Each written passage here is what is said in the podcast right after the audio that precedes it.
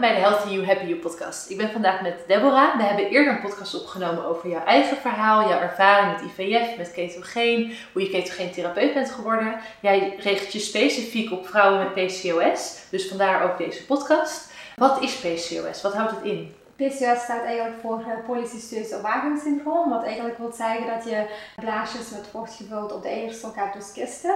En daardoor ja, ook verschillende klachten hebt, zoals het uitblijven of onregelmatige cyclussen, langer dan 35 dagen, of meer aanmaken ja, van een mannelijke hormoon, dus meer mhm. testosteron, waardoor je minder oestrogeen hebt, wat ook weer effect heeft op jouw cyclus eigenlijk. Ja.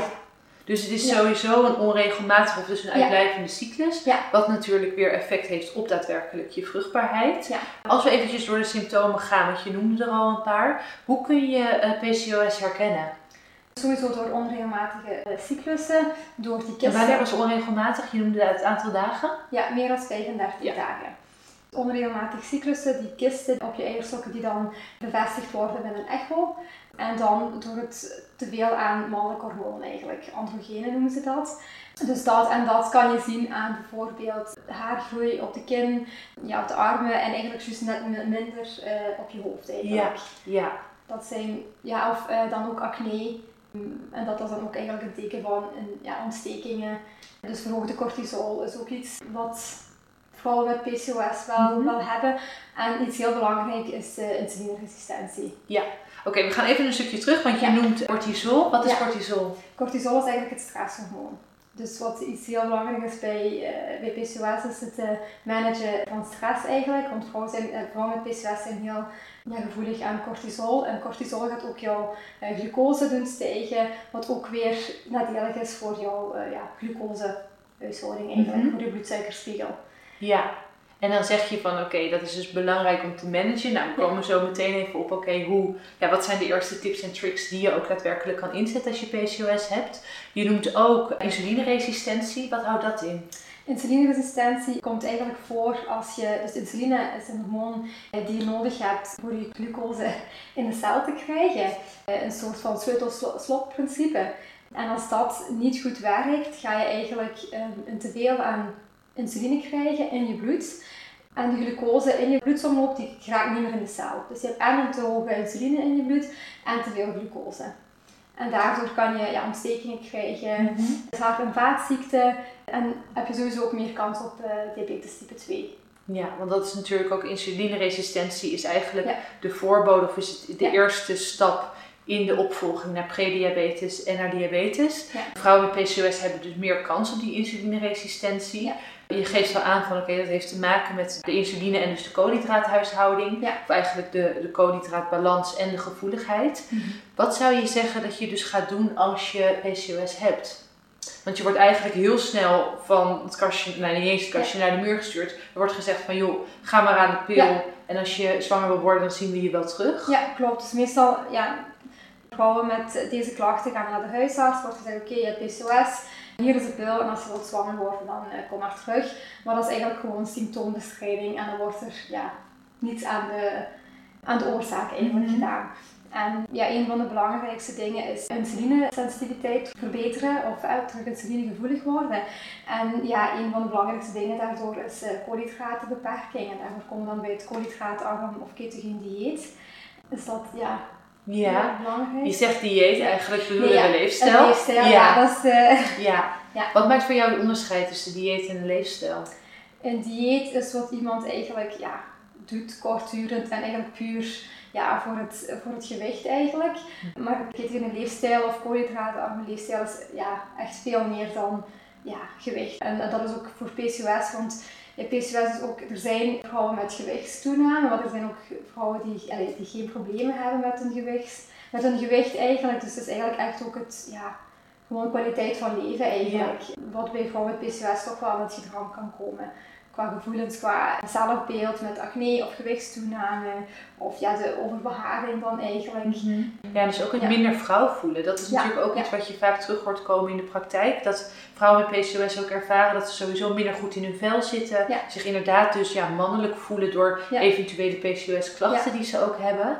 En daar is ook depressie, angst, uh, die dingen. Ja. ja, dat zie je inderdaad ook veel meer onder die groep. Nu heeft depressie en angst natuurlijk ook verband met insulineresistentie en met een bloedsuiker die alle kanten op gaat. Mhm. Dus eigenlijk zou je zeggen van oké, je, wilt, je wilt wat met die leefstijl. En dat is denk ik ook echt waar we gelukkig steeds meer naartoe bewegen. Dat we ook zien van oké, weet je, je hoeft niet uh, nou ja, oké te zijn met je PCOS-diagnose en oh dit is het en ik klop wel weer aan als ik zwanger wil worden. Je kan ook echt daadwerkelijk zelf wat doen. Ja, En koolhydraatarme ketogeen kan dan dus heel mooi worden ingezet. Klopt. Ja, want het is niet alleen voor het zwanger worden, maar het is inderdaad voor qua kwaliteit van leven, want je zoveel risico's hebt dat je kan ontwikkelen dat, ja, dat het niet draait om alleen het, het zwanger worden. Want dat is natuurlijk een van de dingen. Zwanger worden is wel iets wat, wat dan terug zou kunnen lukken als je, als je PCOS onder controle krijgt, of de oorzaken ervan.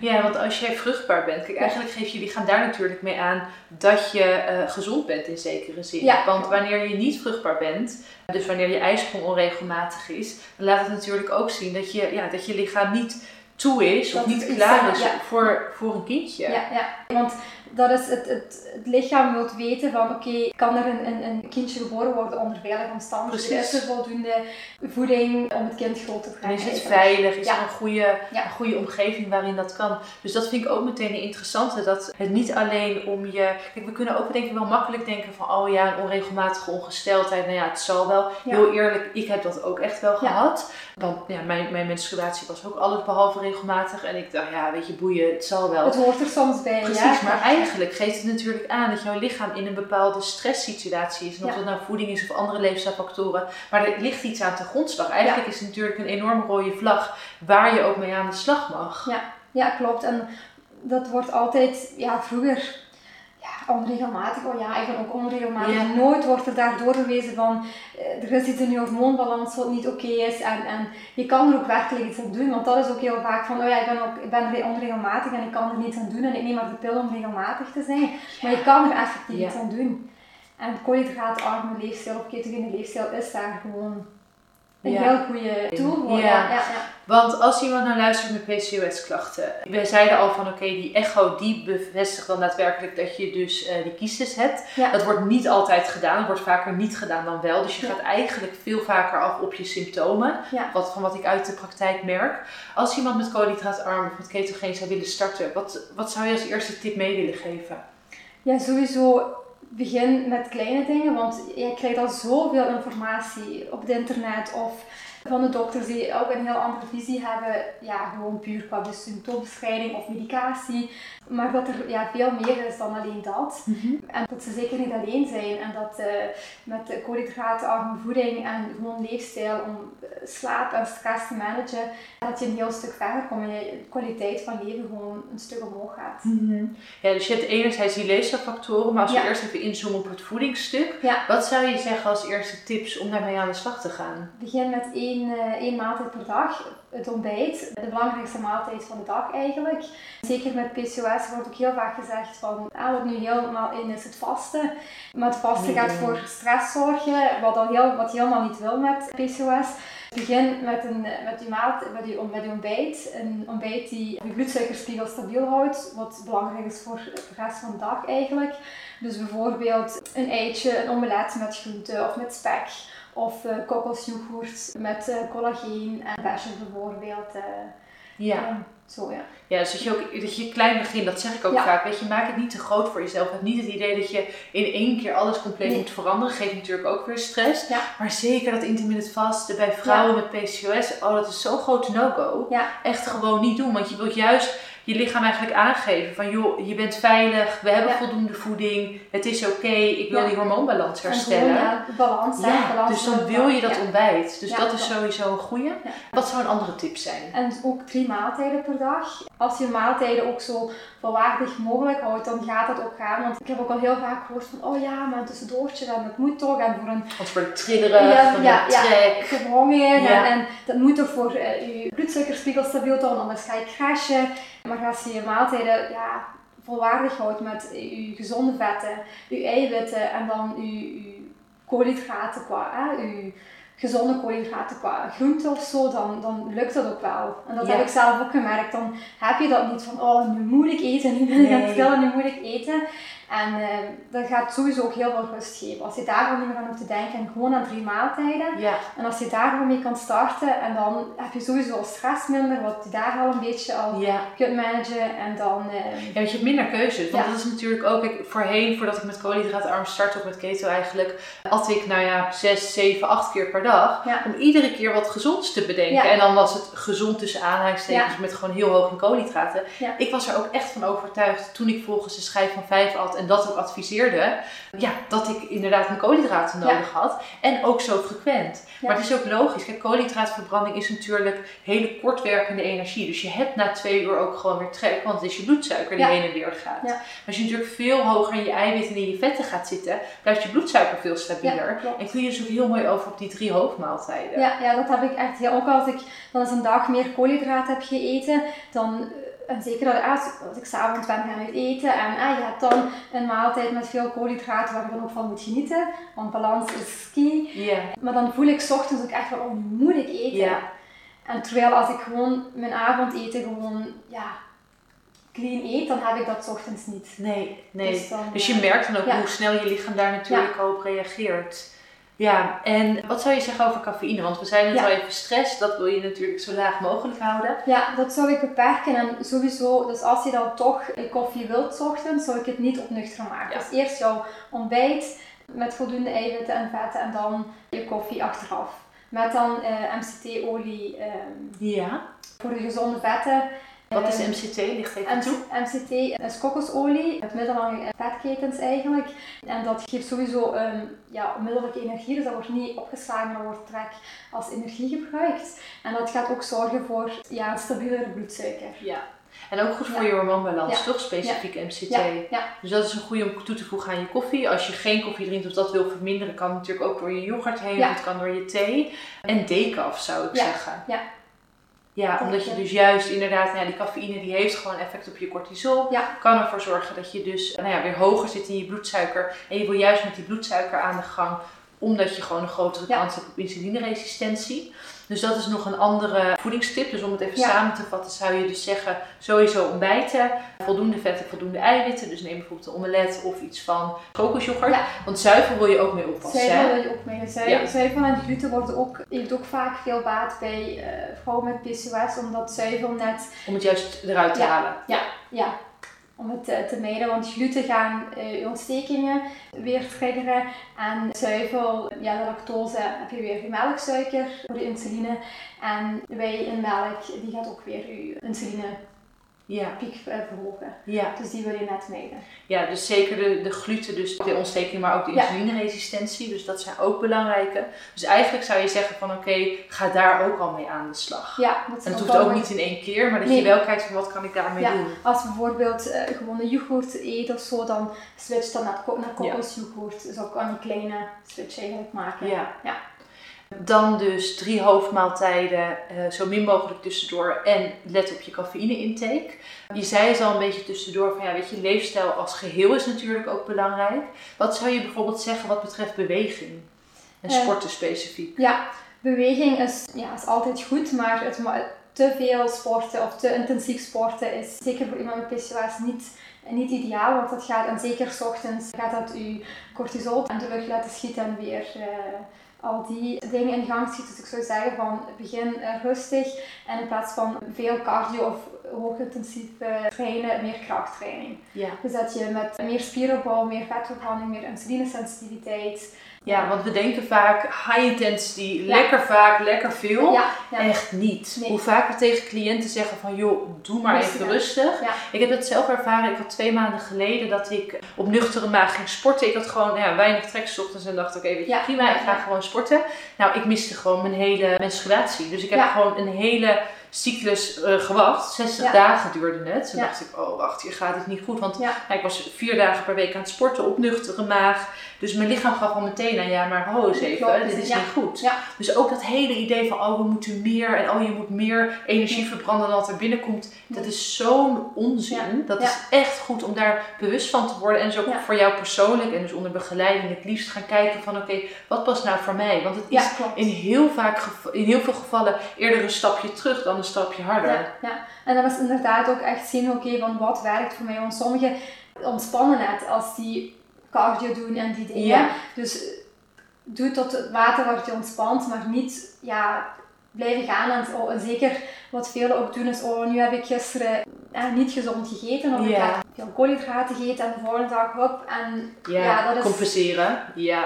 Dat gaat averechts werken, dat gaat nu net niet werken. Uh, geniet van die maaltijd en de volgende dag begin je gewoon opnieuw en gewoon rustig aan terug. En uh, ja. krachttraining, spieropbouw en... Uh, ja. ja, dus dat je veel meer dus inderdaad op je krachttraining gaat zitten in plaats van, de, van de cardio. Ook voor je insulinegevoeligheid dus inderdaad als je natuurlijk meer, meer spiermassa hebt. Ja. Wat zou je verder zeggen dat belangrijke leefstijlfactoren zijn? Slaap. Ja. slaap is zeer belangrijk. Je lacht, ja. lach je? We hebben het net over jouw slaap gehad. Die is... Minimalistisch. Ja. ja, daarvoor kan ik echt nog met name zeggen dat slaap super belangrijk is. Ik ben nooit echt een goede slaper geweest. Ik heb vriendinnen die zeggen van, ja, ik ga s'avonds slapen en uh, ik word ochtends terug wakker en ik word niet wakker. Dat heb ik nooit gehad.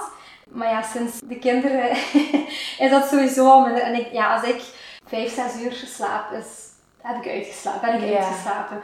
Maar ja, wat zou je idealiter zeggen? Acht uur. ja, ja. ja. Dus slaap is eigenlijk belangrijk. Wat helpt jou dan wel om zoveel mogelijk aan je slaap te komen. Zeker als het altijd al een beetje een topic is geweest. Sowieso schermen vermijden net voordat je gaat slapen. Ja, heel prikkels voordat je gaat slapen of heel laat eten nog. Merk ik heel vaak dat als ik dat heb gedaan, dat ik dan s'nachts ook sowieso van mezelf wel wakker word. Zouttekort. Ja, ook een bekende. Zeker als je s'nachts wakker wordt, het is echt vaak een zouttekort. ook als je koolhydraatarm slash keto gaat eten, echt met zout beginnen. Magnesium. Magnesium, vitamine D. Ook heel belangrijk, ook overdag voldoende buiten zijn geweest, dat je echt een verschil hebt met ja, je dag en je nacht eigenlijk. Wat binnenkort sowieso heel belangrijk gaat worden. Ja, en ja, ontspanningsoefeningen misschien voordat je gaat slapen. Als je mhm. een heel stressvolle dag hebt gehad, een boek lezen. Ja, ja dus gewoon wat minder nog prikkels binnenkrijgen voordat je gaat slapen. Zeker omdat we natuurlijk al zoveel prikkels binnenkrijgen. Dus dat het ook goed is om dat ja, wat meer te gaan reguleren. En wat je zegt over ademhalingsoefeningen of mindfulness, dat er heel snel gedacht wordt van joh, dat moet dan een half uur, hoeft echt niet. Doe gewoon vijf minuten. Maar ga dat wel inbouwen. Dat je ook een soort van nighttime routine gaat krijgen. Van oké, dit is wat ik doe. En dan weet je lichaam ook van oké, ik ga slapen. Ja, dus dan ja, ben je een soort van langzaam je dag aan het afbouwen. En wordt het een stuk makkelijker om in slaap te komen. Want het wordt heel vaak bij kinderen gedaan. En van oh, we moeten een avondroutine. En dan gaan ze goed slapen. Maar voor ons is dat eigenlijk net hetzelfde. Dat zijn we een soort van vergeten en hebben we een soort van losgelaten. Maar het is des te belangrijker. Zeker in gewoon de huidige samenleving waar we constant aanstaan. Om echt ja, wel een goede avondroutine te hebben. Ja, ja dat is ook. Ja. En dat je dan, want hoe slechter je slaapt, hoe minder goed je keuzes de volgende dag gaan zijn. En je hongerhormoon gaat naar omhoog. En, ja. Want dat mij ook, ook al, ook al eet ik, heb ik goed gegeten, dat ik echt mijn, mijn, mijn eiwitten, mijn vetten, en als ik, als ik zeker een heel slechte nacht heb gehad, ja, dan, heb ik, ja, dan heb ik de volgende dag gewoon de hele dag honger. Ja. En dan denk ik van, allee, ja. maar dan weet ik, ja, dan is gewoon ja, mijn stress die dan sowieso hoger is. Wat doe je op zo'n moment? Als je merkt dat je een beetje in een bodemloze put verandert. Dat is hoe we dat in het Nederlands zeggen. Ja, ja. wat, wat doe je als je je een bodemloze put voelt? Ik weet welke de goede keuzes zijn uiteindelijk. Dus ik probeer me daar wel aan te houden. Dat ik gewoon echt mee aan mijn, mijn, gezonde vet. En als ik dan iets van tussendoor eet, dat ik zeg van, oh, ik heb echt, ja, dat ik toch iets wil snacken, dan ja, dan hou ik het wel ah, dat ik iets van eiwitten of ja. gezonde vet of zo. Dus dan maak je eigenlijk eerder een, een extra maaltijd dan dat je dus koolhydraten gaat snacken waarvan je weet van dan zit ik nog meer te pikant te Ja, want dan wordt het eigenlijk nog meer Dan wordt het ja, dan denk van oh ik, heb het, ik wil het en ik heb het nodig, maar ja, dat gaat alleen maar. Ja, dus dat je eigenlijk het dan ja, wel er semi aan toegeeft, maar wel op een manier waarvan je weet van oké, dan geef ik ook daadwerkelijk voedingsstoffen aan mijn lichaam. Ik hou mijn bloedsuiker stabiel. Want we zeggen natuurlijk net van oh ja, drie maaltijden per dag. Kijk, als dat er in het begin vier zijn, als ze goed, nou ja, volwaardig zijn en inderdaad voldoende vetten, voldoende eiwitten bevatten, dan is er natuurlijk ook niet een man nee, overboord. Nee. Maar zeker die tot kuppensoepmoment of die, die appel tussendoor, dat zijn echt de dingen die je eruit wil hebben. Want dat is wat veel ook denken van, ja, maar ik eet een appel tussendoor. Of ik eet dat tussendoor. Dus ik, ben, ik, ik eet er gezond. Maar dat gaat net voor een piek zorgen. Want wat heel belangrijk is voor het, stabiele houden van de bloedsuikerspiegel is nooit koolhydraten alleen eten. geen dus, naakte koolhydraten. Ja, ja, Dus als je dan een appel wilt eten, dan iets van noten bij of kokosyoghurt bij. Ja, dat je inderdaad een combinatie maakt. of een handje noten. Ja. Uh, waar je ook moet opletten, want niet alle noten, ja, sommige noten bevatten meer koolhydraten dan de andere. Dus, uh, ja, maar in ieder geval een goede stap om dat dus inderdaad in combinatie te doen. En je dus ook bewust te worden van oké, hoe ga ik met voeding om? En we kunnen ook ons voorstellen dat het overwhelming is. Eerlijk, toen ik zelf koolhydraatarm ging eten, vond ik het ook best wel overwhelming. En ik deed het al met cliënten, dus ik dacht, nou ja, weet je, dat, dat zal wel lukken. Ik heb het zelf ook heel rustig aangedaan. Echt gewoon maaltijd voor maaltijd. Ja, en het gewoon steeds meer eigen gemaakt. Maar het is natuurlijk super fijn als iemand met je mee kan kijken. Zeker ook om te kijken van wat voor tekorten heb je mogelijk opgebouwd of zijn er ontstaan. Dat zie je ook, nou ja, dat zie je sowieso heel erg veel tegenwoordig. Eigenlijk geen één cliënt heeft geen tekort. Maar zeker ook bij vrouwen bij PCOS zie je ook wel dat er gewoon nog meer tekorten zijn. Ja, ja. Wat ik heel vaak moet ja, adviseren qua, qua supplement is ja, magnesium, vitamine D is vaak ja. 9 van de 10 tekort eigenlijk. En dan als je kijkt naar vitamine D-status ten opzichte van depressie en angst, er zit natuurlijk ook weer een enorme link tussen. Ja. Dus we hebben een hele lage vitamine D. Nou ja, weet je, dan, dan, dan is het ook een beetje van wat is het kip en wat is het ei. Dus het is zo belangrijk en het geeft ook veel inzicht en ook veel begrip, merk ik vaak. Dat als je je bloedonderzoek laat, laat doen en ziet van, joh, wat voor tekorten heb ik nou daadwerkelijk? Dat je ook wat meer begrip voor je situatie krijgt. Van, oh, waarom voel ik me nou zo? Ja, ja, dat klopt ook. En inositol is bijvoorbeeld ook zo een. Dan gaat ja. dus je insulinesensitiviteit verhogen eigenlijk. Uh, Omega-3 is ook vaak zo eentje wat sowieso voor ontstekingen goed is en voor ja, angst en depressie ook mhm. weer. Ja, ijzer zie ik ook wel vaak. Ja. Tekorten. Koper. Ja. Dat zijn wel vaak de dingen die... Uh, ja. tekort zijn. En vaak dan ook wel als je, wat ik bij mezelf ook heb gemerkt, als je naar de dokter gaat, alles is goed. Ja. Alles is binnen de normale waarde. En dan toch, uh, en dan ook welke supplementen, want dat is ook vaak. Dat ze zeggen van ik neem supplementen, maar dan ja, welke supplementen. Allee, dat, ja. van, er zijn veel verschillende kwaliteiten van supplementen. Ja, zeker. Ja, wat je inderdaad ook zegt over die normaalwaarden. Kijk, normaalwaarden zijn geen optimaalwaarden. Ja. En daar zit natuurlijk ook wel een wereld van verschil in. Weet je, wil je nou ja, een mager zesje of wil je daadwerkelijk gewoon een 8 tot een 10 voelen? Daar zit natuurlijk ook echt wel een groot verschil in. Dus zeker om daar ja, gerichter naar te kijken en ook op, specifiek voor de persoon van joh, hoe, hoe wil je uitkomen? Dat, daar heb je gewoon heel veel baat bij. En zeker ook het ene supplement is echt het andere niet. Nee, daarom. Ja. Nee. Dus om iemand daarin mee te nemen. En ja, dat is ook wat we met deze aflevering willen. Om je aan te geven als je luistert en PCOS hebt. Van ga echt kijken van oké, hoe neem ik die touwtjes weer een beetje in handen. Kijk, het is nu op dit moment een diagnose waarmee je eigenlijk een soort van nou ja, je, je zoekt het maar uit je, je doet er maar mee je leert er maar mee leven. Maar als je kijkt naar het management en alle mogelijkheden en hoe erg je je symptomen kan verminderen of zelfs gewoon compleet ongedaan kan maken, dat is echt ongelooflijk. Ja, dat is ook. En ik denk ook dat er heel veel vrouwen PCOS zijn die zich alleen voelen van oké, ik krijg deze diagnose. Het label eigenlijk. En doe er maar wat mee. Of ja, niks mee. ik pak het en dat is het. En, eh, of dat er wordt gezegd van ja, het is je eigen schuld, want uh, je bent te zwaar en ga gewoon wat sporten en wat minder eten. En als je bijkomt, is het je eigen fout, want dan eet je niet voldoende of eet je niet goed of eet je te veel. En, en dat zorgt gewoon voor een isolement. Hm. Buiten dan ja, een, geen fijn zelfbeeld omwille van de symptomen van acne of overbeharing en die dingen. Dus heel veel mensen, heel veel vrouwen voelen zich alleen, maar ja, dat is iets wat ik echt wel wil meegeven, dat je niet alleen bent. En dat met een koolhydraat of ketogeen levensstijl, dat je echt kwaliteit van leven kan, eh, kan verbeteren. Ja, en je gewoon weer goed kan voelen. Dat het leven ook echt, het is zo zonde als je ik denk dat het super logisch is als je PCOS hebt en zeker als je veel klachten ervaart, dat dat je leven op een bepaalde manier beïnvloedt. Ja. Maar het is zo mooi om te zien dat dat niet zo hoeft te zijn. En dat je dus echt veranderingen kan maken die gewoon een heel groot verschil kunnen maken. En het lijkt in het begin veel en overweldigend. Maar daarvoor ja, zijn wij er om, om, om daarin te helpen en een weg te banen. En dan, ja, dan ontstaat het vanzelf. Dat kan ook gewoon stap voor stap. Dus dat willen we ook laten zien. Ja, ja, sowieso als je luistert, PCOS hebt en denkt ik wil je mee aan de slag plan even een vrijblijvende kennismaking in. Want dan kun jij ook gewoon met hem meedenken van joh, past de aanpak? Ben je eraan toe? Is het ook het juiste moment? Daarin willen we ook ja, wel met je meedenken. Zit jij midden in een, in een scheiding of in een verhuizing of is er heel veel stress? Zouden we misschien zeggen van joh, wacht nog even. Maar dat we in ieder geval met je mee kunnen kijken van oké, hoe kunnen we dit gaan opzetten? En is het het goede moment? Dus we gaan de link daarvoor eventjes in de beschrijving plaatsen. Maak daar vooral gebruik van. Het begint hard te regenen, dus tijd om, uh, om af te breken of om te stoppen. Ik wil je heel erg bedanken en dan voor de luisteraar te kijken tot de volgende keer. Doei!